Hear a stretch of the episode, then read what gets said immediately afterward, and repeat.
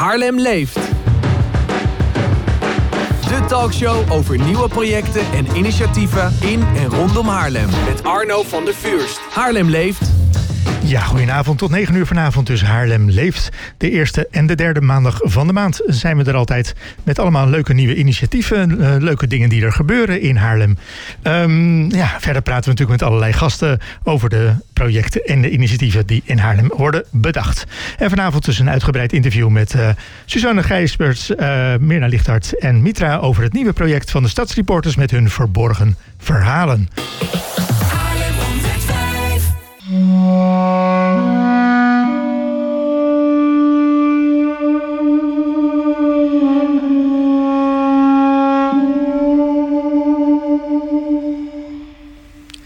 Welkom bij de podcast Verborgen Verhalen.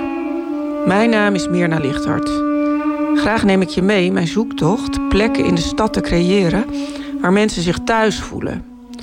Ongeacht waar op de wereld hun wieg stond of welke taal ze spreken. Want waar voel je je thuis? Waar voel jij je thuis? Wat is thuis voelen? En wat is er voor nodig om je thuis te voelen? Deze vragen zijn relevanter dan ooit nu er wereldwijd meer dan 80 miljoen mensen op de vlucht zijn en dat aantal alleen maar groeit. En praktisch alle steden smeltkroesen van culturen zijn. In mijn zoektocht naar antwoorden op deze vragen constateerde ik dat de wens om bruggen te bouwen groot is, maar dat de realiteit is dat dat niet vanzelf gaat. Dat het eigen eiland of de eigen bubbel zo vanzelfsprekend en makkelijk is en dat als je een brug wil bouwen, je daarvoor iets anders moet doen dan je normaal doet. En dat is wat ik wilde. Ik liet me hierin leiden door de uitspraken van Elif Shafak, die in haar boekje Zo houd je moed in een tijd van verdeeldheid stelt: Verhalen brengen ons samen. Onvertelde verhalen houden ons van elkaar gescheiden. En ging op zoek naar een manier om de verhalen van mijn stadsgenoten te horen die ik normaal niet snel hoor. Er zijn zoveel verborgen verhalen. Ik wilde onderzoeken of we elkaar middels het delen van onze verhalen werkelijk kunnen ontmoeten en ons op die manier meer thuis zouden kunnen voelen. Ik benaderde Daulat Derbas en Suzanne Gijspers met de vraag me daarbij te helpen. Daulat is docent Arabisch en is zes jaar geleden gevlucht uit Syrië naar Nederland. De vraag raakte mij direct. Het thema van thuisvoelen is iets dat mijn hele leven al speelt. Mijn grote ouders zijn gevlucht uit Palestina naar Syrië en Irak. En hoewel ik zelf in Syrië geboren ben, heb ik nooit de Syrische nationaliteit gekregen. Ik was altijd bezig met de vraag of ik thuis ben in Syrië of niet.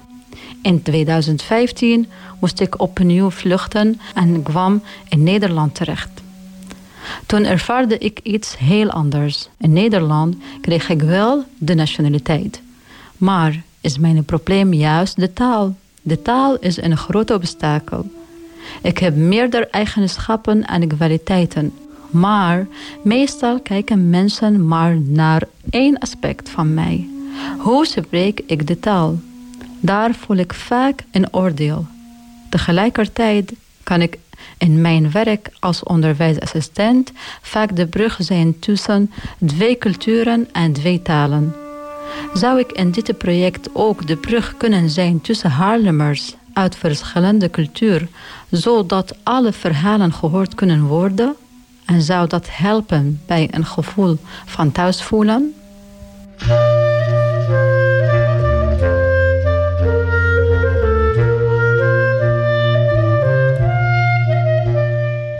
En ik benaderde Suzanne Gijsbers. Suzanne is autobiografisch schrijfdocent. Haar methode van zintuigelijk schrijven leek me heel geschikt voor dit project. Ik schrijf met groepen. Het gaat over herinneringen aan momenten uit je leven. We schrijven zintuigelijk. Wat zie je, hoor je, voel je, ruik je, proef je. In een paar minuten zet iemand een herinnering op papier. Deelnemers hebben geen tijd om lang na te denken en juist zo ontstaan heel persoonlijke en authentieke verhalen. Na het schrijven is er gelegenheid om voor te lezen. Jouw verhaal mag klinken en het enige wat de anderen doen is luisteren. We geven geen commentaar, er is geen oordeel. Het gaat niet om mooi of lelijk. In dat oordeelloos luisteren ontstaat een verbinding in de groep. Ook al ken je iemands leven niet, de context van het verhaal al helemaal niet, toch voelen deelnemers vaak veel herkenning. Toen Mirna me hiervoor vroeg, dacht ik meteen: dit zou heel goed kunnen werken voor mensen met verschillende culturele achtergronden. In de schrijfgroepen is taal natuurlijk altijd het vervoermiddel. Het spannende vond ik of we elkaar ondanks de verschillende moedertalen toch echt zouden kunnen ontmoeten. Ja, en zo begint het uh, eerste deel van uh, de podcastserie. Uh, of ja, eigenlijk van de Stadsreporters en de Verborgen Verhalen. En in de studio Mirna Lichtart, Suzanne Gijsbers en Mitra, een van de deelnemers. Goedenavond. Um, om, uh, om met jou maar te beginnen, Mirna. Want ja, dit is weer een nieuw project van de, ja, de Stadsreporters. Uh, verborgen verhalen. Uh, dat is dan een van, de, een van de titels die je dan gebruikt. ik kan me nog herinneren dat je echt heel veel jaren geleden begon met senioren. Um, en ja, de senioren die, die vonden dat heel spannend. Want die hadden nog nooit een iPad vast gehad. Um, dus daar, was wel, daar lag wel een, of andere uitdaging. Um, wat, wat lag er eigenlijk voor uitdaging bij deze groep mensen? Ja, nou, kijk, voor mij, ik, ik, mijn eigen motivatie om dit op te starten was toch wel echt dat, nou ja, wat ik, wat ik ook al beschreef natuurlijk, dat, dat het zo vanzelfsprekend is eigenlijk om in je eigen bubbel te zitten. En dat, en dat het zo'n verlies is eigenlijk van, uh, nou ja, van, een, van een grote rijkdom in de stad aan verhalen en medemensen en, en contacten en ontmoetingen. En um, dus toen uh, zijn we dit project gestart. Nou, en wat mij heel erg uh, raakte, uh, toen we dat de eerste keer deden, we hebben het nu een aantal keer gedaan, dat, dat met name de mensen inderdaad die, die gewoon nog niet zo lang in Nederland wonen en, en de taal nog niet zo machtig zijn, dat die zo geraakt waren door um, nou ja, dat, er, dat er het geduld was om, om jou te horen. Hè? Dus dat je echt contact kon maken en dat, en dat dat mensen ook aangeven van ja, doordat er toch heel vaak niet zoveel geduld is, slik ik eigenlijk mijn verhalen in, weet je wel. Dus je, je, bestelt wel je brood bij de bakker en je haalt je medicijnen bij de apotheek of zo. Maar om echt te delen wat er van binnen is, dat, um, nou ja, velen gaven aan dat ze, dat ze dat eigenlijk hadden ingeslikt. En dat er zelfs tranen kwamen om eh, op het moment dat dat, dat dat wel mocht klinken. En nou ja, hoe bijzonder dat was om dat met elkaar uh, te doen. Ja, dat, je, dat mensen echt gehoord werden. Of dat, ja. je, dat er naar ze werd geluisterd. Ja, en dat gold voor iedereen. Hè? Voor alle deelnemers. Want het is heel expliciet een, een, een, dus een, een groep van zowel nieuwe Haarlemmers als zeg maar oude Haarlemmers. En oud dan niet in de zin van senioren, maar gewoon locals. Mensen die geboren zijn in Haarlem of in Nederland. In ieder geval waarvan Nederlands de moedertaal is. En dat, je had het net over dat, dat uh, luisteren. En uh, ja, toch, dat is toch de snelheid van de samenleving, denk ja. ik dan. Ja. Um, ja, viel dat iedereen ook op, dat, dat, uh, dat iedereen maar doorgaat? Nou, het, het viel wel iedereen op dat het, dat het een andere manier is van met elkaar omgaan. En, en, of omgaan, maar uh, de, de, dat, is, dat is echt wat, wat, wat Suzanne inbrengt. Hè. Suzanne is de autobiografische schrijfdocent die de, die de projecten leidt. En die, en die uh, door de kaders die zij zet en, en door hoe ze het begeleidt, echt de, de manier van luisteren ja, um, laat zien hoe we dat doen en dat voorleeft en daarin uh, ja, een, als het ware een soort veilige ruimte creëert die, die, ja, die waanzinnig bijzonder is. En die, het is, zijn eigenlijk hele kleine dingen, maar het is zo waardevol en, en zo'n uh, en zo'n soort van thuiskomen eigenlijk. Ja.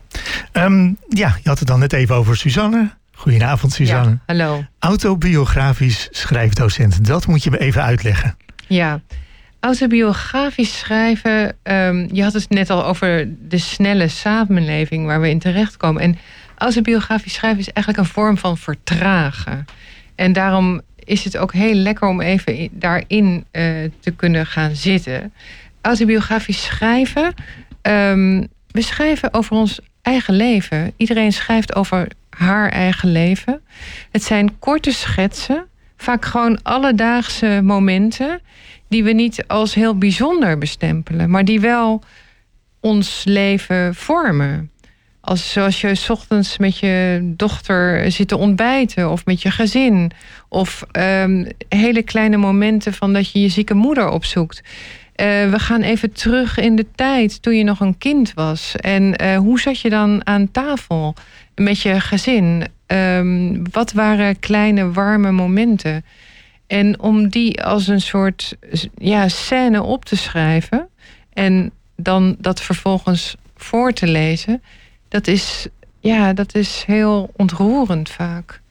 Dat we ervaren van, oh ja, dit is ons leven, dit is mijn leven. En nou zei je ook dat er, uh, er zijn natuurlijk uh, de oude Haarlemmers zitten daar dan bij. En, uh, en de nieuwe Haarlemmers. Maar ja. het, het gevoel van thuis voelen, is dat bij iedereen eigenlijk hetzelfde? Um, nou, dat is heel verschillend, het gevoel van thuis voelen. En wij creëren ook eigenlijk in, in die ruimte met elkaar een gevoel van dat je thuis kunt voelen. Want anders kun je ook niet de verhalen delen. Je moet wel je vertrouwd voelen en je veilig voelen. Dat is een eerste vereiste. Um, maar voor iedereen is je thuis voelen anders. En um, ja, dat, dat, kunnen, dat kan, je thuis voelen kan ook een moment zijn. Jij wilde iets aanvullen.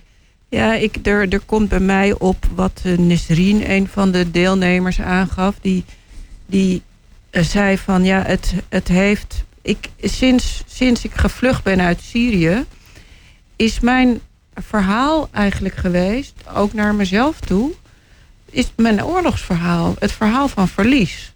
Van wat ik allemaal heb achter moeten laten, wat ik heb verloren. En zij zei van, van eigenlijk door dit project opent zich ook weer een andere kant. Want er is niet alleen maar één kant. Dus, er, dus, er, dus, dus zo, en daar kan Mitra denk ik ook wel wat over vertellen dus, dus, dus die, het, de, ze, er wordt wel eens gezegd, um, verhalen en verhalen uitwisselen kan helend werken. En dat is denk ik, ik begreep dat ineens. Ik dacht van, oh ja, je, um, je, je, je, je, je maakt zeg maar het beeld van jezelf een soort van compleet voor de ander, maar ook voor jezelf of zo. Dus, dus ook uh, verborgen delen, die haal je er weer uh, bij. En dat ja, dat kan heel waardevol zijn. En dat, en dat leidt dan soms tot ontdekkingen, ook bij de mensen zelf. Ja, dat is vaak een soort ontdekking, omdat je die herinneringen, waar we dus ook over schrijven, uh, die heb je niet altijd die uh, paraat. Dus we, via associatieoefeningen uh, komen die weer op en dan schrijven we daarover. En dan, ja, het schrijven, het voorlezen en het luisteren, die drieslag maakt dat dat ook heel bijzonder is. Dat er naar dat moment geluisterd wordt en die ontdekking. En het kan een ontdekking uh, zijn. En daar kan denk ik Mitra iets over vertellen. Ja. Van dat zij, uh, nou Mitra over uh, bij haar oma thuis lang geleden in haar jeugd, dat ze daar zich thuis voelde. Mm -hmm. daar, daar, gaan we zo inderdaad een stukje naar, naar luisteren.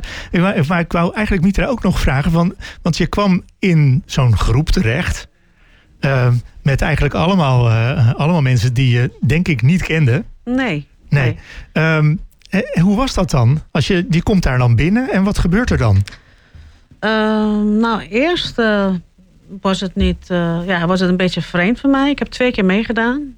En uh, maar daarna, na een paar minuten of na het, als het begint, zo, zo, zodra het begint, dan voel je dat ook, dat veiligheid, wat Mirna zegt ook, dat warmte, want iedereen luistert naar elkaar en uh, je bent welkom.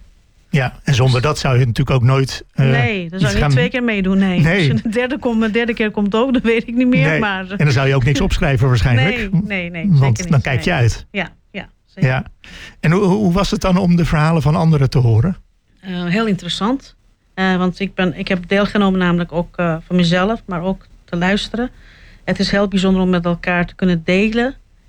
Iedereen luistert. En uiteindelijk, als je naar al die verhalen luistert, iedereen is verschillend. Hè, van verschillende landen, maar toch zijn we één. toch wel bij één punt. Je, je kan jezelf gewoon in alle verhalen jezelf ook terugvinden. In een hoekje. Je zit hier of daar bij een eh, verhaal van een andere. Heel bijzonder, ja. Ja, dus ook een stuk herkenning. Ja. Mooi. Nou, ehm, ja, je hebt inderdaad een stuk meegenomen. Ehm, Nou, ik heb alleen. eh, eh, eh, ik wil alleen eh, zeggen dat door het, door het schrijven eh, over je jeugd of je verleden, je opent gewoon een nieuwe raam in je leven. En eh, daarin, ik, ik, was, ik was niet eens bewust van dat ik zoveel had. Ik dacht dat ik heb helemaal geen herinneringen. Het is gewoon een triest jeugd en er zit er niks in. Maar toch, als ik eh, eh, de pen laat eh, rollen op dit papier en ik schrijf die verhalen met hulp van Suzanne en Mirna, er komt heel veel naar boven. Ik realiseerde mij dat ik heel veel goede herinneringen aan- mijn oma had thuis. En, eh, en dat ze naar me luisterde en heel veel liefde gaf. En als iemand mij vraagt waar voel je thuis, dan zeg ik oma. Eh, ik woon al eh, sinds eh, 1990 in Nederland. Dus ik ben een oude Haarlemmer, zeg maar. Maar toch, als, als, als ze vragen thuis, dan denk ik gelijk oma. Ja, heel, vaak, heel veel mensen denken, denken terug naar de kindertijd. Hè? Ja, Daar is het dan toch het meeste thuis. ja. Ja, ja. mooi. Ehm, nou ja, een, een, een stukje. Een stukje. Wat, wat heb je uitgezocht eh, voor ons? Wat zou je een stukje willen lezen? Ehm, nou, ik kan ehm, een stukje. Ik, eh, Heb je iets paraat? ik heb op mijn e-mail heb ik een verhaal, maar je hebt mij niet gevraagd om een stukje. Oh nee. Nee, Nee, ik dacht dat je, ik- je had zo'n mooie schrift voor je. zoeken. Nee, ik kan hem even twee minuten. Als jij, nee, ik kan hem gewoon even zoeken. Je had zo'n mooi schrift voor je liggen. Ik denk, nou, Nee, daar staat heb- een hele mooie tekst op. nee hoor, dat, dat in principe, dat hoeft natuurlijk niet, maar dat... eh, Ik kan nee. hem zo zoeken. Oh, Zij zoekt het op. Ja, het wordt, wordt gewoon live verteld. Kijk, dat is ook weer iets wat je overwint, hè? Had, had, had je sowieso eh, ooit wel eens geschreven, Mitra? Of eh, nooit? Eh, ik heb wel een stukje bijvoorbeeld hier staan, eh, gewoon eh, van oude verhalen. Daar begon onze tijd samen. De kersensham proefde mij voordat ik hem kon proeven. Met een zachte warme glimlach gaf jij mij een grote kus op mijn wangen. En verwelkomde mij in je, in je geheimzinnige wereld. Samen genoten wij van onze ontbijt. Je nam me mee naar oude verre tijden. Je vertelde mij met je zachte, liefdevolle stem verhalen uit je verleden. Je deelde liefde met mij, die tot de dag van vandaag mij warmte geeft en in mijn hart hoop geeft. Stukje. Nou, prachtig. Dat zegt alles eigenlijk, hè? Het gevoel van thuis zijn. Ja, ja, Ja, ja. heel mooi. Dankjewel. Dankjewel. Um, uh, Mirna, dit is, dit is deel 1 pas.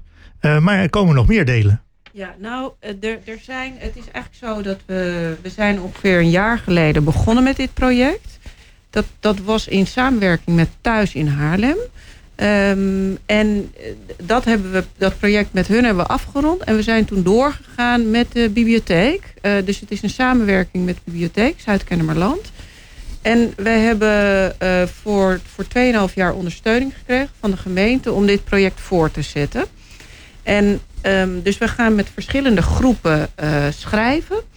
En ook op verschillende manieren gaan we die verhalen delen met de stad. Dus, de, dus we hebben twee podcasts gemaakt.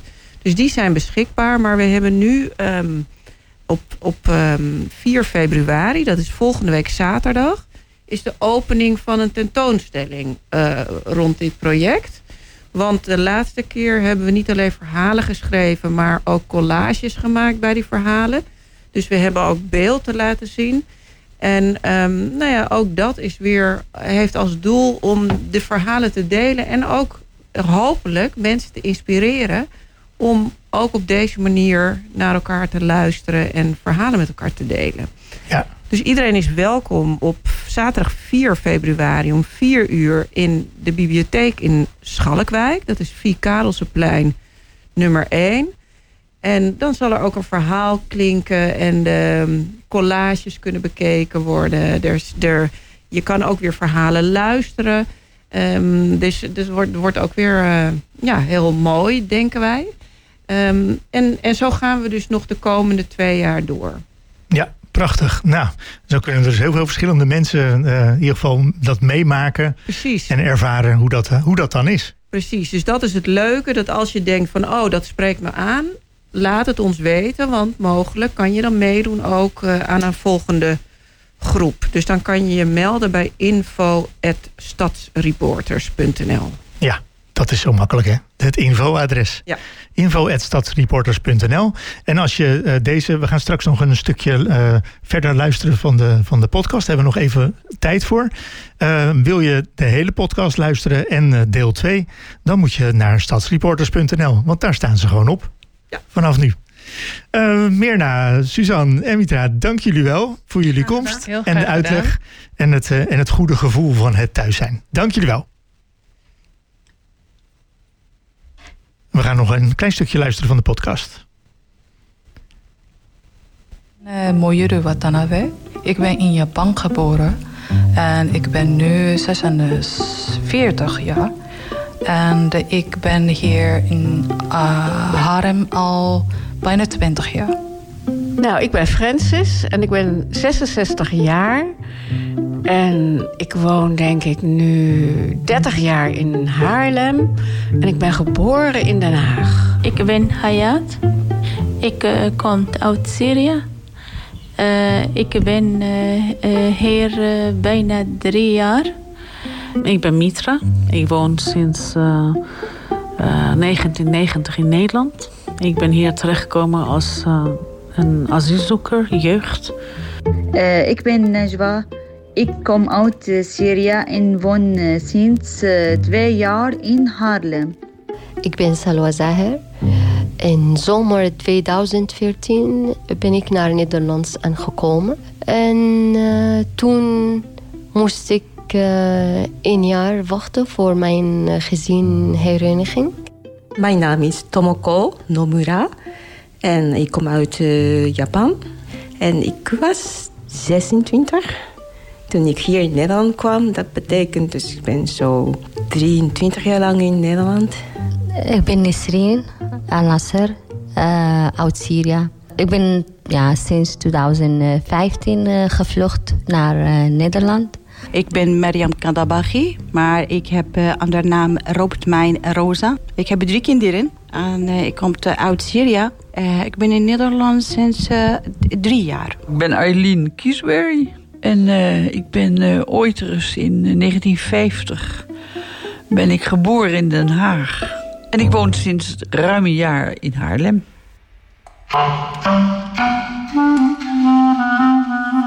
We kwamen vijf avonden samen en willen jullie graag meenemen op de reis die we maakten. We hebben hard gewerkt en veel geduld gehad om elkaars verhalen echt te horen. Ook van jou als luisteraar zal dat af en toe geduld vragen. We willen je uitnodigen om dat geduld op te brengen. Om jezelf te oefenen in het echt luisteren naar een ander. Ook met de mensen die op het eerste gezicht vreemd en anders lijken. Om daarmee een brug te slaan en de schat te vinden die wij met elkaar vonden. En waarvan we hopen dat jij die ook vindt. Mijn oude huis. Mijn huis was in een smalle maar drukke straat in de voorstad van het centrum van Kyoto. Het was een alleenstaand huis vol groen en bloemen bij de voordeur.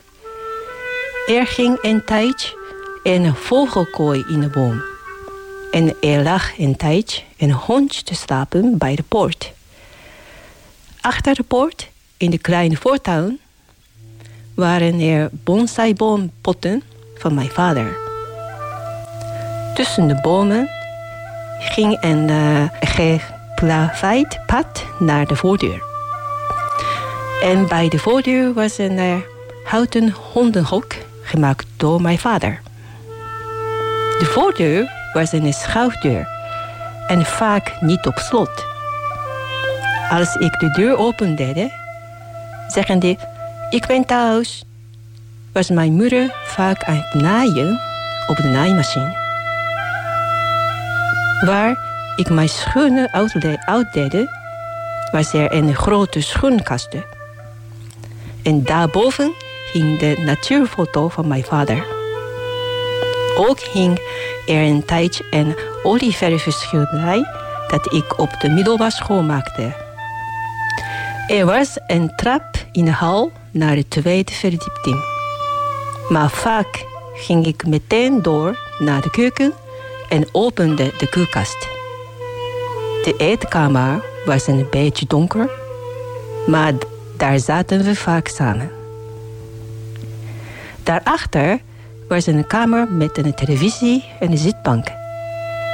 Ernaast de mijn elektrisch orgel die ik speelde van mijn vierde tot 18 jaar.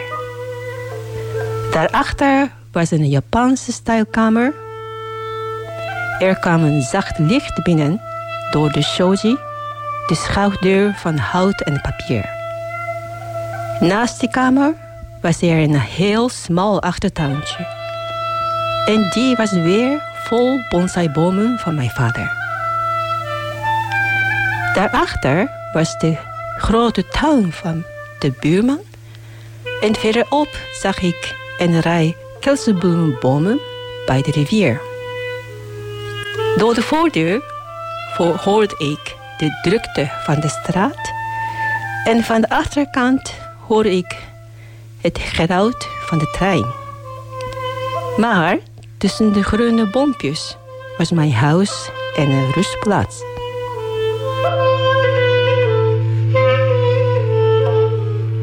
私の実家。京都の下町。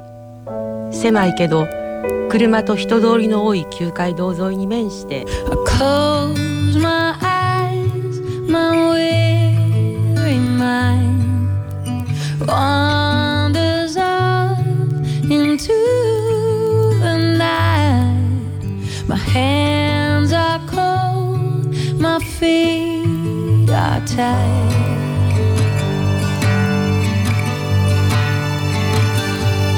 Let me go.